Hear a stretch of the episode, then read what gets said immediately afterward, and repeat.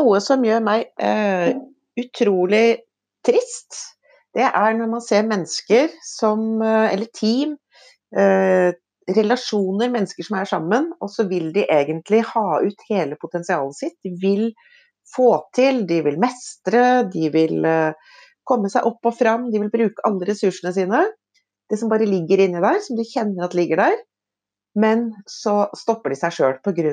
noe sånn der indre konflikt eller noe drama i et team eller et eller annet uh, som foregår som de ikke klarer å få løst. Så i dagens episode så har jeg og Linda uh, tenkt oss å snakke om, eller vi skal snakke om, en modell som uh, handler om det å jobbe i team. Så første del av, denne episoden så er jeg og Linda sammen, og da snakker vi om den teammodellen. Og den handler om uh, tillit, konflikt, forpliktelse i forhold til beslutning, ansvarliggjøring og felles mål. Det er en sånn femtrinnsmodell som kan være en uh, kjempegod hjelp uh, å bruke når man skal bygge gode team. Altså det er sånn, litt sånn check å jobbe etter. Og det er alltid godt å ha noen gode modeller å jobbe etter når man er i, i team. Uh, og det er også en god modell å jobbe etter når du er én person, fordi at uh, man trenger de stegene da også for å være, sjekke at man er on track. I siste del av podkasten så kommer jeg til å ta for meg det ordet tillit, og, og snakke en del om det. fordi jeg ser at tillit det, jo, det er en nøkkelfunksjon i alle relasjoner.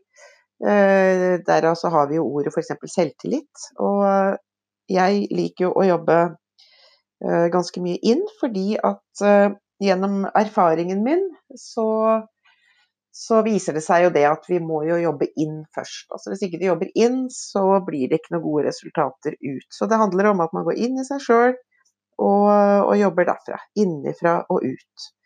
Og etter mange, mange, mange år hvor jeg har jobbet med mennesker i veldig ulike situasjoner, alt fra barnehage til uh, tung psykiatri, uh, og innenfor alle de ulike idrettene og hobbyene jeg har, uh, har holdt på med, så, så, har det bare vist meg mer og mer at dette her med også ha den indre styrken, altså ha jobbet godt inn det er en, en nøkkelfunksjon. Så du har tillit til deg sjøl. Men det skal jeg snakke mer om i siste del av eh, podkasten. Så da suser vi bare i gang med dagens episode, som handler om det å jobbe i team. God lytting!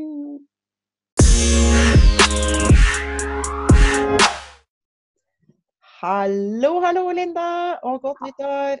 Hallo, hallo, godt nyttår. Yes, i dag så um, Du er jo en travel dame, så i dag så skal vi um, Vi skal ikke sitte og småprate så mye, men vi skal gjennom en uh, teammodell som jeg er veldig spent på. For den har du snakket om, og så har vi prøvd å, å få til å prate mer om den, men vi har ikke rukket det før nå. Så nå skal du få lov til å lære meg litt, meg og lytterne, om en sånn her modell som du kaller for Team-trekanten? Ja, jeg kaller den Team-trekanten. Den er basert på, for å si litt om teorien bak, jeg er sertifisert innenfor noe som heter Everything Disk. Eh, som går på atferdsanalyser. Hvordan folk oppfører seg sammen med andre, og hvor de trives og hvor de ikke trives. Hva de bruker mye energi på, hva de bruker lite energi på av måten de oppfører seg på. Mm. Og I den så finnes det også team, et teamverktøy eh, som på god gammel nynorsk heter 'The Five Behaviors of a uh, Cohesive Team'. Men, men jeg syns teamtrekanten er litt lettere, da. Ja. men, men, det er bakgrunnen. Mm. Fem trinn.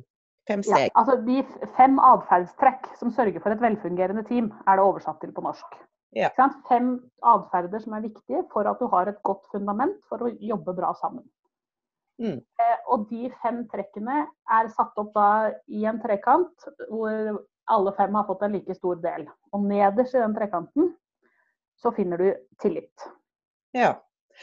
For når vi snakka om dette her sist, så, så prata jeg om at uh, For jeg er jo veldig, veldig den her som vil at, du, at sant, man er i et team med seg sjøl. At det starter der. Ja. Um, før det utvider seg til å bli et team f.eks. med hesten. Ja. Uh, eller et team med deg og hesten og treneren din. Um, men da er det noe sånne, et, et av atferdstrekkene som ligger i bånn, som du sier, det er tillit. Ja. Ja. Og, og, det jeg, og, og, grunnen til at det ligger i bånn, er jo at hvis ikke du har tillit, så er, er, det ikke mulig å få til et bra team. Altså hvis ikke, eh, hvis ikke teammedlemmene, og det være deg, deg selv eller da deg og hesten, hvis ikke dere er på lag og tror på og vil hverandre vel, så, så blir det ikke så mye igjen å jobbe med. Nei. Eh, og da blir samarbeidet deretter. Ikke sant. Det er klart at når tilliten ikke ligger der i bånn, um, og litt som du sier, altså det starter, det ser jeg veldig godt i, i coachingene også. Uh, de som ikke har tillit til egne evner, eller tillit til egne ressurser, tillit til kunnskapen sin, da, er, da, blir det veldig vanskelig å få til noen gode resultater da, med den grunnmuren. Absolutt. Altså, det er en grunn til at det heter selvtillit. Altså det å tro på seg selv. Mm, ikke sant. Eh, og hvis ikke ja. du har den i bånn, så, så, har du veldig lite å jobbe videre med. Ja. Eh, um, men, men, da handler det også om å være trygg nok til å innse at man er sårbar. Mm. For, for, for det, en ting er det, altså tillit uh, Når jeg underviser i dette, her, så pleier jeg å si at én ting er den tilliten til at folk er på jobb og skal gjøre en god jobb, eller du er på hesten og du gjør så godt du kan. Men, men det å også være trygg på å kunne si fra at nå sliter jeg. Ja. Når du og hesten og treneren er på banen, og treneren ber deg om noe du ikke helt skjønner, og så tør du ikke å spørre fordi at du syns det er et dumt spørsmål. Mm. Da, har jo, du, ja, ja, da har du ikke den eh, sårbare, sårbarhetsbaserte tilliten på plass. Altså, du må ha en trener som bygger deg så trygg at du kan spørre de, litt, de spørsmålene som føles dumme. Da. Mm. De må du tørre å legge fram. Mm. Ellers så kommer du ikke videre. Ja, det er et kjempeviktig poeng. Det at man tør rett og slett også å, å stille de spørsmålene. Tør å, å søke kunnskap og tør å, å ja, stille seg sårbar.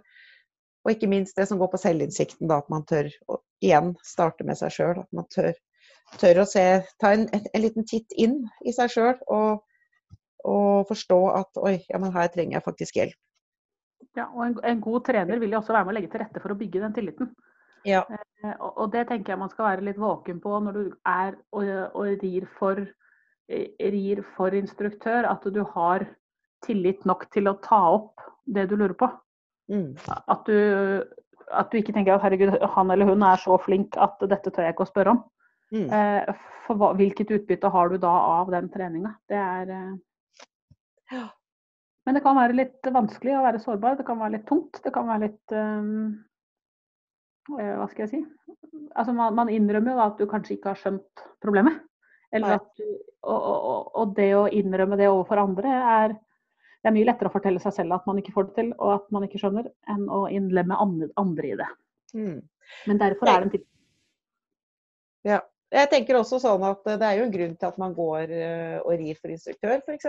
Eller at man går og går på kurs og lærer seg et eller annet. Det handler jo om at man faktisk vil uh, lære noe nytt. Og jeg tenker også at hvis du har en instruktør, og det vet jeg vi har snakka om før, eller jeg i hvert fall har gjort, um, at hvis det er en instruktør eller et annet menneske som ikke er i stand til å gi den tilliten, da, så uh, må man jo begynne å vurdere altså, å ha tillit til sin egen oppfattelsesevne og begynne å vurdere å kanskje bytte.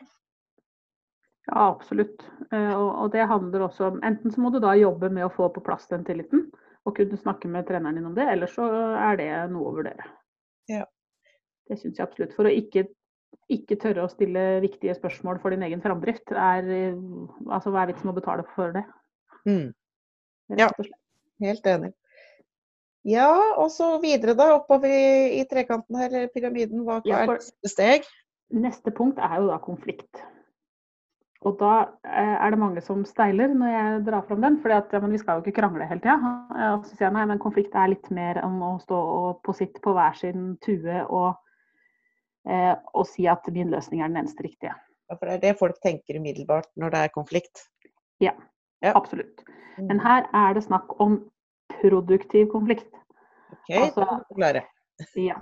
Eh, det er konflikter som sørger for at det som kommer ut i andre enden er bedre enn utgangspunktet det å tørre å ta opp diskusjoner, det å tørre å diskutere med treneren sin f.eks. Ja, men når jeg gjør sånn, så gjør hesten sånn. Kanskje hadde det vært bedre om vi fant et kompromiss her. For det, det som er skolebokeksempler på hvordan man skal gjøre det, det funker ikke akkurat for meg. Mm.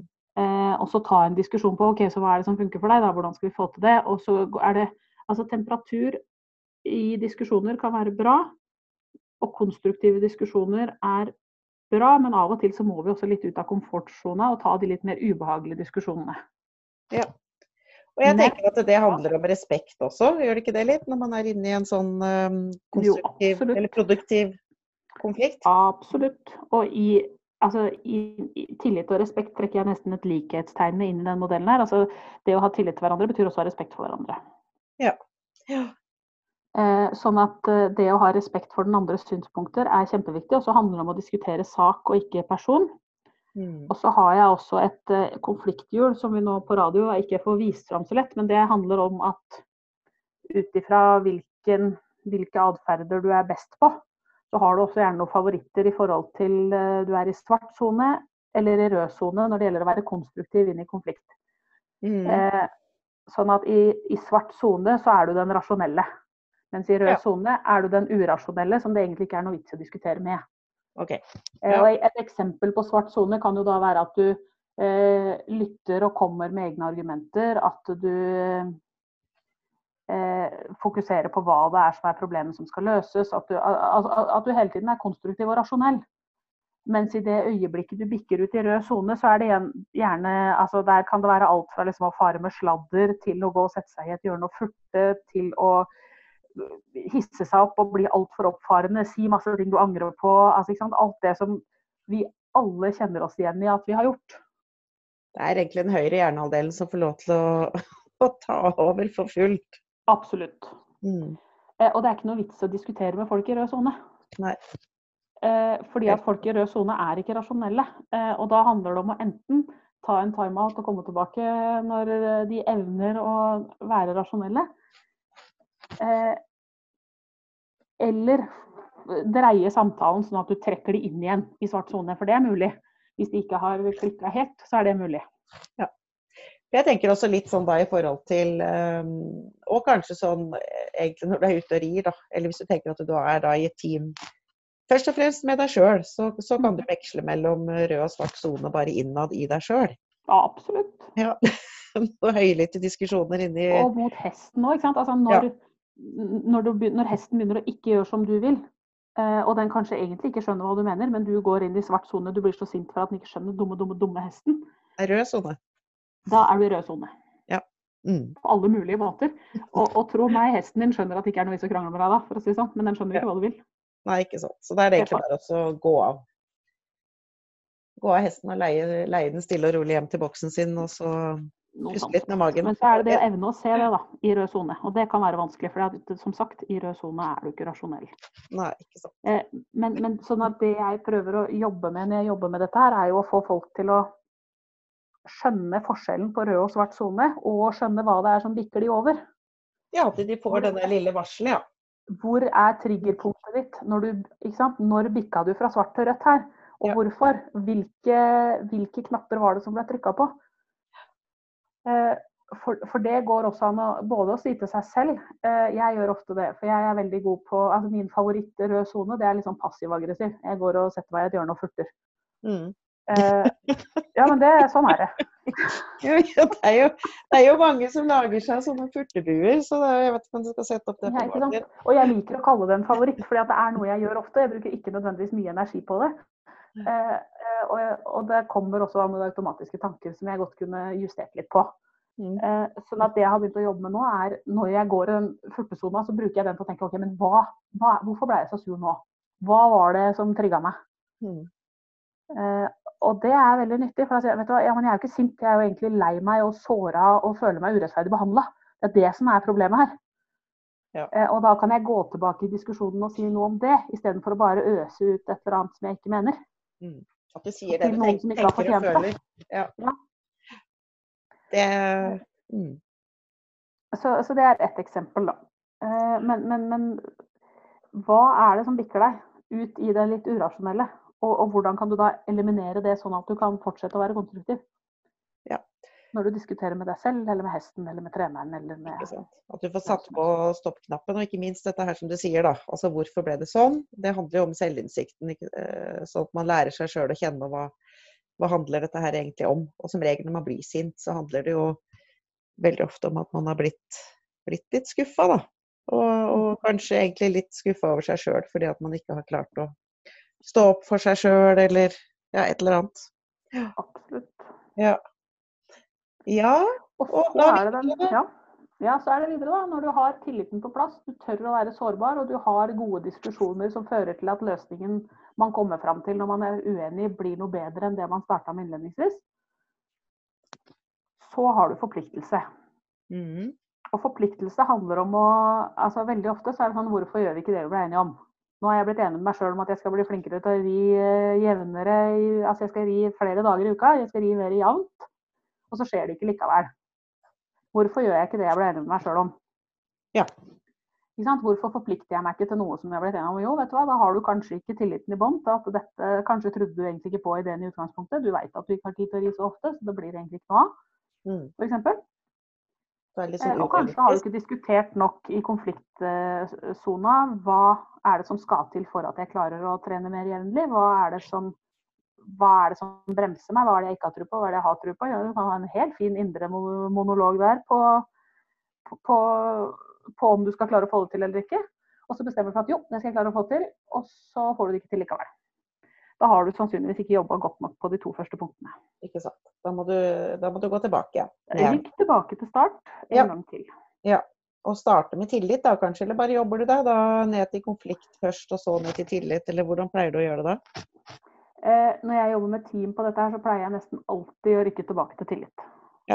Helt bånn. Eh, men men, men det, det er klart, hvis hvis jeg ser og vet at tilliten er veldig god, så kan vi ta det på konfliktnivå. Men, men, poenget er at du har ikke en god konflikt hvis du ikke har god nok tillit. Så det, er alltid, det ligger alltid i tillit.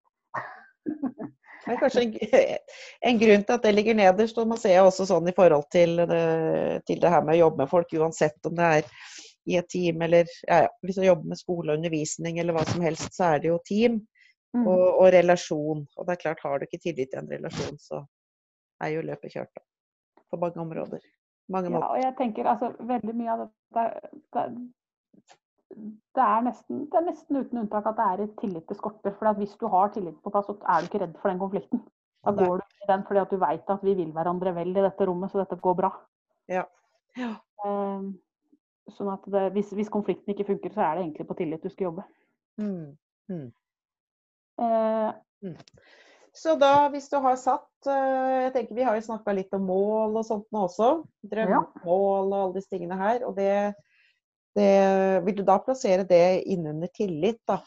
De, de modellene som går på SmartUp-modellen? Det kan være, men, men, men når, du, når du diskuterer med deg sjøl, altså det er jeg ikke så vant til å jobbe med, men jeg vil jo tro at du da også må gå en ekstra runde på har jeg huska på alle punkter i forhold til konflikt. Her har, vi, har jeg diskutert meg gjennom alle mulige problem, altså hindringer i veien for å nå målet. Ja. For det kan jo hende at det er noe du har glemt eller ikke evner å se sjøl at det er en hindring. Mm. Eh, For, for når vi diskuterer med oss selv, så er vi, har vi også våre egne sannheter som av og til gjør at vi ikke ser hindringer som andre lett kan oppdage. Da. Mm. Og det er jo det fine med å ha litt ekstern hjelp, da. Ja, absolutt. Og det er også noe i forhold til det at du er eh, Når du er en del av et team, så har du jo gjerne andre som ser den dynamikken. Ikke sant? Eh, men, men i team også kan det være nyttig med ekstern hjelp som ser på teamdynamikken. Ikke sant? Hva, hva skjer her nå? Og det er en veldig nyttig øvelse i team. eh, er sånn som deg og hesten, da, for eksempel, er, jo å ta helikopterperspektivet. Fly opp og se ok, hva skjer egentlig her nå mellom meg og hesten på et litt sånn overordna nivå. Mm. Absolutt. Dette Det her er med å se det Særlig hvis vi ikke gjør det vi ble enige om. Og det er jo en sånn god ting å gjøre for å komme seg ut av rød sone, da. Det er jo rett og slett bare å tre ut av kroppen sin og se det hele Ja. utenfra. Ja, hva er det egentlig som skjer her nå? Ja. Type. Ja. Mm. Eh, og så er det da, hvis forpliktelsen er på plass, og vi gjør det vi ble enige om, og alle henger på eh, Men så ser jeg likevel at, eh, at det er noen i teamet som, som ikke henger på. Altså som ikke helt har landa den forpliktelsen. Da. Eh, så handler det også om ansvarliggjøring. Det å gjøre hverandre ansvarlig for det man har bestemt. Eh, type hvis jeg har eh, blitt enig med treneren min om at jeg skal ri så så Altså jeg skal ri en øvelse sånn og sånn. Så har vi blitt enige om det. og jeg, jeg, jeg har forplikta meg til det. Så gjør jeg det ikke likevel. Da er det treneren sin oppgave å ansvarliggjøre meg på at nå gjør du ikke det vi ble enige om. Ja. Eh, og når jeg jobber med dette her i bedrift, så går det også da. Det er viktig at den går på tvers òg, ikke bare ovenfra og ned i en organisasjon. Men, men nå er vi jo på mer på hest. Men der tenker jeg at det, det at hesten ikke gjør det du har bedt den om, når du vet at den skjønner hva du ber om, så handler det også om å fortelle at nå gjør du faktisk ikke det jeg ber om, og ikke bare finne deg i da at den får lov å gjøre det feil. Mm. I forhold til hva, dere da, hva du har lært inn, da. I den ja. grad du og hesten er enig. ja. Nei da, men hvis jeg tar utgangspunkt i det at hesten har, den er eh, godt skolert og den kan det den skal. Ja. Den bare har lyst til å snike seg litt unna. For eksempel. Det, det, får, det handler om å holde den ansvarlig. Ja. Og det tror jeg veldig mange glemmer i forhold til, uh, i forhold til hest. At man tar for mye ansvar, finner for mange unnskyldninger. Um, og det, da kan man i grunnen egentlig spole tilbake igjen til tillit til seg sjøl og sin egen kunnskap. Um, ja. Spennende. Så, så har du øverste trinnet, da. Ja, ikke sant. På toppen der ligger jo eh, Det har vi jo snakka om før òg, men der ligger jo målet. ikke sant? Det at målet er felles. Eh, og når vi snakker om team, så handler det om at alle i teamet har det samme målet. Eh, for det er klart at det hjelper ikke hvis hesten min har et mål om å så vidt overleve to runder på banen, og jeg har et mål om 15, eh, så er det klart at vi får en mismatch etter runde to. Da er det noen, eh, det er noen avklaringer som ikke er helt til stede der. Helt Eller si at treneren min har mål om at jeg skal bli verdens beste, og jeg har et mål om å bli Europas beste. Altså, ja. Vi må være enige om hvor vi skal. Og, og, kanskje har treneren min et mål om bare å bli en god trener, og egentlig er ikke så opptatt av meg. Altså, det er mange mismatcher som kan være her. Ja, eller motsatt. Eh, sånn at det å være helt sikker på at når du og jeg eh, og hesten er sammen på et team, så har vi et felles mål. Den kan til en viss grad ikke være med på den diskusjonen, men, men du har enkelte ting. Sier også hesten fram at vet du hva, dette vil jeg ikke. Og da må kanskje du også justere målet ditt og si at OK, dette er ikke oppnåelig for meg og denne hesten. Mm. Og det er jo menneskets oppgave, da at vi har jo tatt disse hestene inn i, i vårt eie. Så, så, må vi jo vurdere, ta de vurderingene. Um, og jeg tenker også sånn i forhold til uh, hvor jeg har, har ulike typer foreldrecoachinger og hatt litt kurs. Um, ja, hvor det er hele tiden dette her med å avklare, og spesielt det her med felles uh, mål da, hva, og forventninger, tenker jeg liksom. Hva, hva ligger av forventninger fra foreldre, kanskje, da, i forhold til ungen. For eksempel. Mm. Og så tenker jeg at, at, den interne dialogen her, så er felles mål viktig. Det at du er enig med deg selv om hva du har av mål. Og at de målene du har for dine ulike områder i livet, henger i hop. Mm. Du kan ha ett mål for hestedrifta og hestejobben din, eller hva det er. Og du kan ha ett mål for eh, hvis du har en jobb utenom. Du kan ha ett mål for familien. Du kan ha et? Du kan jo ha flere mål for hva du ja. vil her i verden. Ja. Om de ikke henger sammen, så er det jo uansett da mål du ikke oppnår. ikke sant? Men at mm. det alle har felles mål om at dette er det vi skal nå på de ulike områdene, inni eget hode. Jeg vet det går an å snakke om det i flertall, men det er litt sånn. Absolutt. Og det, det er noe med å gjøre den jobben og, og i seg sjøl også, da. Også bruke uh, f.eks. det som vi kanskje bruker, eller det som jeg bruker i hvert fall, som er uh, livshjulet. Ja. Eh, sånn at man får sydd sammen alle deler av, eh, av, livet sitt sånn at det henger sammen da, i forhold til at døgnet har 24 timer. og man har noen budsjetter man må styre etter som gjelder både energi og, og penger, da, som, ja. som, går på budsjett. Ja, men spennende, Linda. Da har du fått dratt oss gjennom denne modellen, vet du. I. I korte trekk. I korte trekk. Eh, men det er jo eh, også det som på en måte var litt meningen. At det er, dette er òg en måte å tenke på. Dette er en måte å, å, bli bevisst på i forhold til hvordan man forholder seg til et team som er eh, som kan bestå av bare deg, eller bestå av deg og flere. Mm. Og gjerne da et dyr som heter hest inni dette her. ja. Absolutt. Jeg tenker det, det viktigste å ta med seg herfra er at tillit er alfa og omega. Da, kom, da når du målet på toppen. Ja. Tillit, tillit, tillit. Tillit til egne evner og tillit til egne vurderinger og tillit til ja, selvtillit. Tillit til at du kan komme dit du vil. Tillit til hesten. Tillit til at man Ja, mye. Mye som ligger i den. Så det kan jo være et lite avslutningstips, da. Ehm, jeg liker jo alltid å lage ting litt sånn letthåndterlig, lett målbart. Eh, så da går det an å sette på en skala fra én til ti hvor mye tillit man har til de ulike delene, da. Til seg sjøl, til kunnskapen sin, til forskjellige medlemmer av teamet sitt. Ja. Absolutt.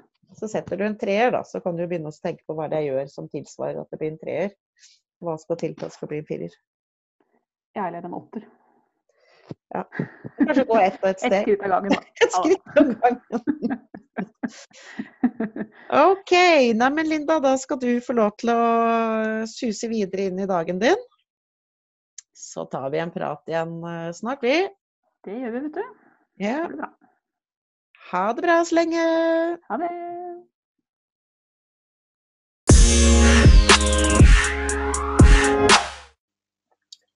Ja, da har eh, Linda og jeg kjørt gjennom de fem stegene som er i en god team-modell, Som eh, dere egentlig bare kan begynne å ta i bruk akkurat nå. Eh, Men jeg vil også gjerne da gå inn og snakke mer om tillit, fordi at tillit er så utrolig viktig. Og det er eh, forsket, forsket mye på dette her, og det er da kommet fram sju karaktertrekk som er viktig at det er til stede, eller som må være til stede for at det skal skapes god tillit mellom eh, mennesker. Eh, levende vesener, vil jeg jo si, for vi holder jo på med, med dyra også, og de må vi alltid huske på å ha med. Eh, og min erfaring gjennom mange, mange år, eh, både i forhold til personlig arbeid, altså arbeid med meg sjøl, og eh, all den coachingen som jeg har holdt på med, og alle de andre jobbene jeg har vært innom som handler om mennesker og dyr, så, så ser jeg også at dette her er noen sånne bunnøkler som må være på plass for å få den gode tilknytningen, de gode relasjonene. Og det første, det er det her med å sette grenser. For de fleste så er det vanskelig, og det er jeg helt sikker på at du kjenner deg igjen i. Jeg kjenner meg i hvert fall veldig igjen i det, og jeg har hatt uh, i perioder av livet mitt store utfordringer med å sette grenser uh, for andre. Og, uh, ja, og det handler jo om at man er redd sant, for å, å bli sett negativt på. Og derfor så setter man ikke de grensene. Fordi at man har lyst til å, å, bli likt, man har lyst til å være populær, man har ikke lyst til å tråkke noen på tærne. Men, men de grensene de trenger man å sette. Og de fleste tenker litt på dette her med å sette grenser, så tenker de på at det handler bare om å si fra om det som ikke er ok. Men det handler faktisk også om å si fra om det som er ok. Sånn at du kan, hvis du f.eks. tenker at du skal begynne å sette noen grenser for noen oppstallører du har, eller for en fòrrytter, eller for treneren din, eller for kjæresten din, eller ja, hvem som helst, så er det noe med også Det er like viktig at den personen du setter en grense overfor, vet hva du syns er ok. Altså, dette er ikke ok, det vil jeg ikke at du skal gjøre, men dette er ok, det kan du gjøre. Og det er òg selvsagt en veldig sånn god bevisstgjøringsoppgave for deg sjøl. Å sette deg ned og, og, tenke på når du blir irritert og forbanna, ikke sant. At folk opplever at folk ikke behandler deg noe, noe, eller behandler deg ok, eller behandler deg med respekt, så handler det ofte om at du ikke har satt en grense. Og det er jo ditt ansvar å gjøre. Men, men det er også viktig at du da tenker på hva er ok. Og, og det med å sette grenser for seg sjøl i forhold til, til, å nå målene sine, i forhold til å holde seg til det man lover, som er punkt nummer to. Holde seg til det man lover. Så, så vil jeg også trekke inn selvdisiplin og, gode mål som, som noen sånne faktorer som må være der. Så sette grenser, det er den første. Den andre er dette her med at man alltid, alltid kan stole på, at du holder det du lover. Så hvis du tenker det i forhold til deg sjøl, så er det noe med at du, du må jo være en, en um, tillitsvekkende person for deg sjøl. Hvis du har bestemt deg for noe som du vet er riktig for deg, så, så holder du det du lover i forhold til deg sjøl. Og det samme gjelder jo um, i en relasjon med andre. At den du lover noe til, da, da har du tenkt gjennom i forkant at dette faktisk det er noe du kan love. Det er noe du har anledning til å love. Det er noe du har eller realistisk sett kan holde, den lovnaden. Uh, og da gjør du det. Da blir du en tillitsvekkende person. En som man har tillit til. Og det er vel noe alle har opplevd, at man kanskje vil, vil så mye, og så kan man bli så urealistisk i forhold til tida si. Um, og da er det jo ofte det at man selvsagt holder det man lover overfor andre først. Uh, men da holder du ikke det du lover overfor deg sjøl. Sånn at da, der også blir det en sånn mistillit. Så det, det kan være lurt der å gå inn og være realistisk i forhold til tiden sin. Uh, sånn at du, du disponerer tid, altså tidsmanagement, at du disponerer tida di godt. Um, og så er det tredje punktet som handler om at det faktisk er lov til å feile. Og det, det, er jo sånn som veldig mange har det. Hvis man er veldig opptatt av å alltid prestere. Eh, jeg liker egentlig veldig godt å bruke ordet prestere, men for meg så er det positivt lada, fordi at det skjerper meg og gjør at eh, yes, kom igjen og, og, og gjør ditt beste, liksom. Men for noen så kan det være det å gjøre sitt beste ut ifra de forutsetningene man har.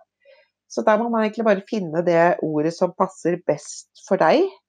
Um, men det viktige i punkt tre det er at man har lov til å feile, fordi feile, ikke sant, det er å lære.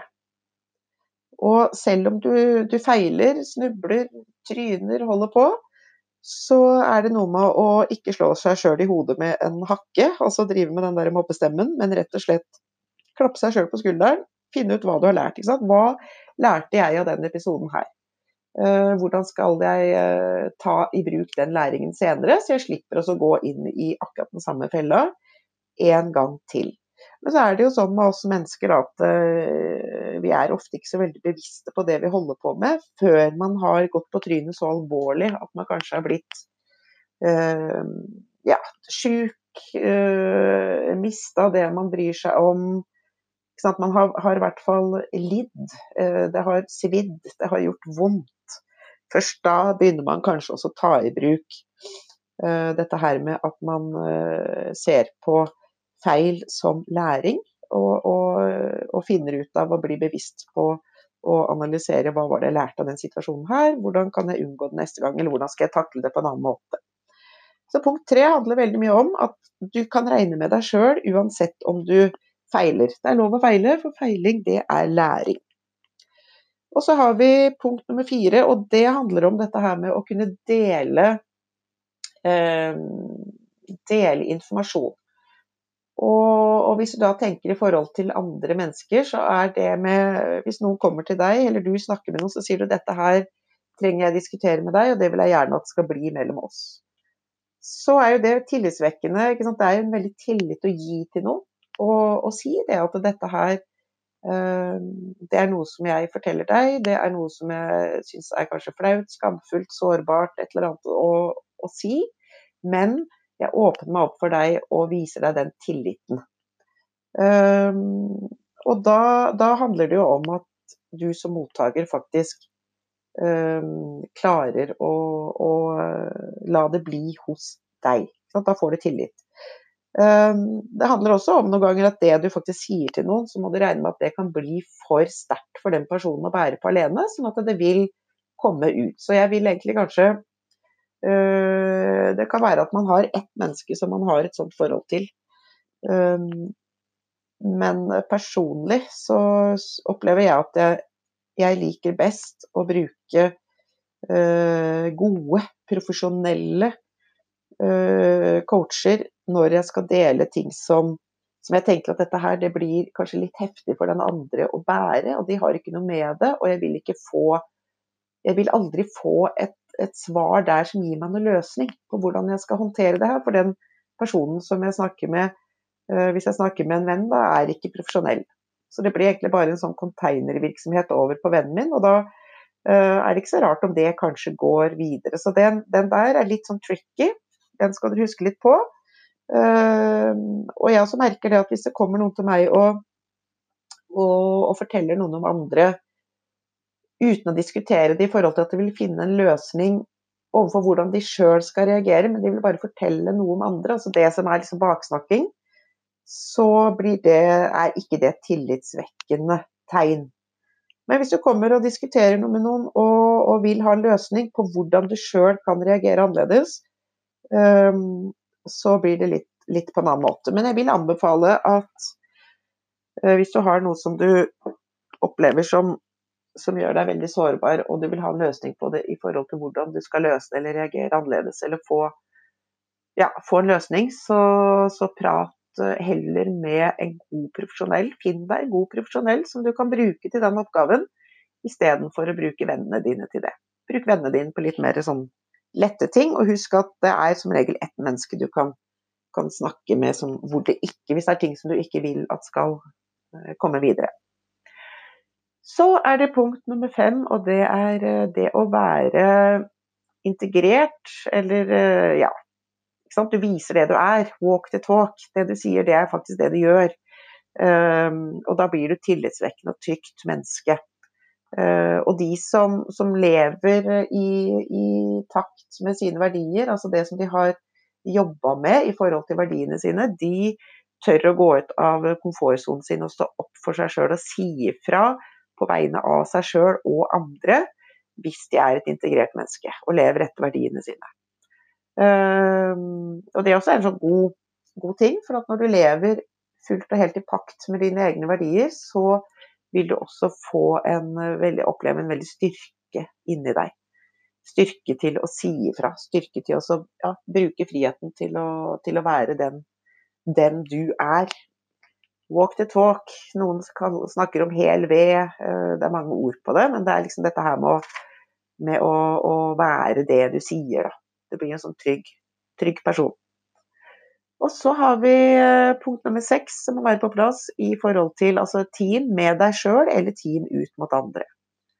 Og det er at uh, altså det er ikke-dømmende. Det at man ikke går rundt og fordømmer og er så himla kritisk dette her med at folk, ting kan faktisk falle sammen rundt deg uten at du dømmes av verken deg sjøl eller andre.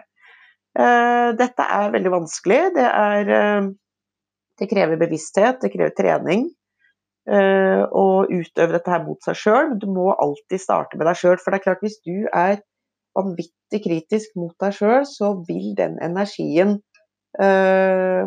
plukkes opp på et ubevisst nivå av de rundt deg. Og det er veldig vanlig da at du vil bli utsatt for kritikk.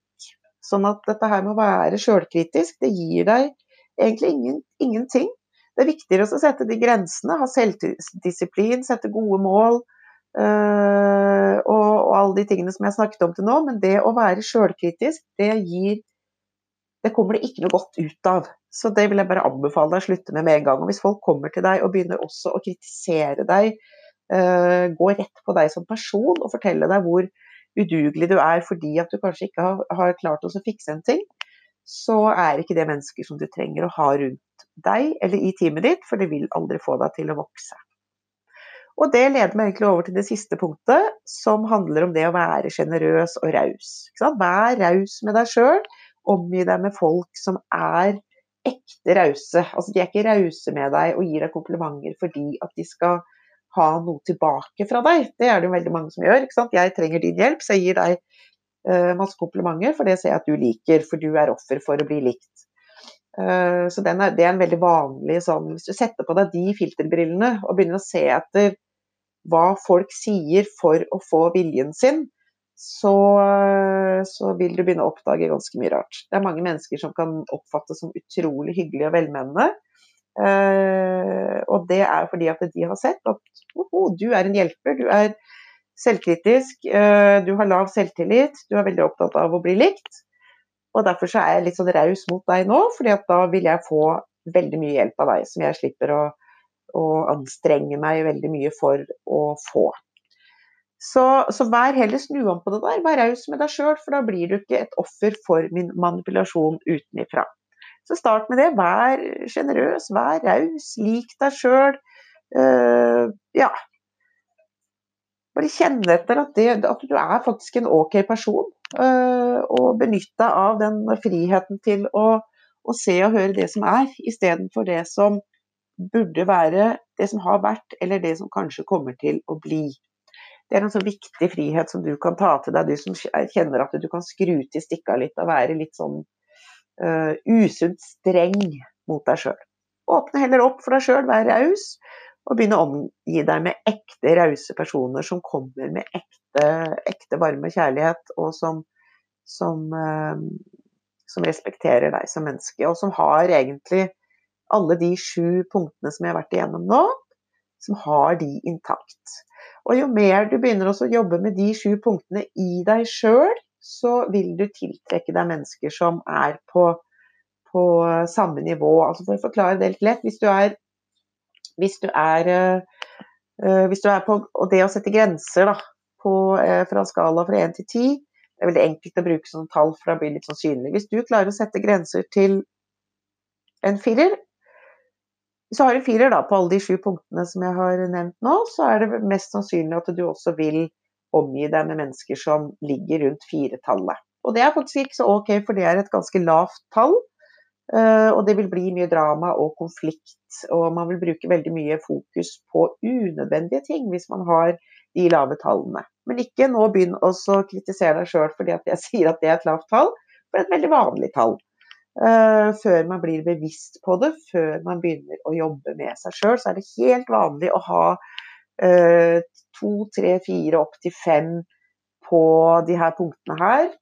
Og pluss punkter som går på selvtillit og selvrespekt og selvfølelse og alle de tingene der. Så er det helt vanlig inntil man begynner å jobbe, øh, jobbe inn i de ulike stadiene med seg sjøl. Så det er vel verdt å bruke tida på det. For hvis du tenker at egentlig så har du lyst til å prestere bra på konkurranser, du har lyst til å lære, du har lyst til å utvikle deg, du har lyst til å bli en god rytter, du har, alle de tingene der du har lyst til, så er det det du skal bruke energien din på. Du skal faktisk da ikke bruke energien din og tankeenergien din og fokuset ditt på uh, alt det der fjaset, drama, tullet som er rundt.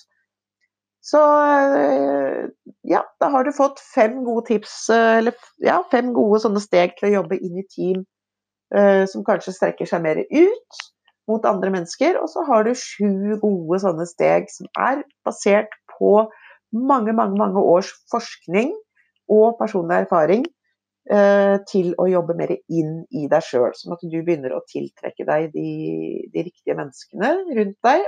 Pluss at du vil få et helt annet overskudd, en helt annen ro, et helt annet fokus og en helt annen selvtillit og selvfølelse når du begynner å jobbe inn i de her punktene. Så da vil jeg bare si lykke til med det. Og ja, god jobbing med det. Så det vil jeg virkelig, virkelig anbefale. Hvis du tenker at uh, dette her er noe som du har lyst til å jobbe mer med, så sender du meg bare en uh, melding. Så kan jeg snakke litt om hvordan du kan jobbe videre med de tingene her, med hjelp, uh, veiledning utenifra. Ok, vi snakkes!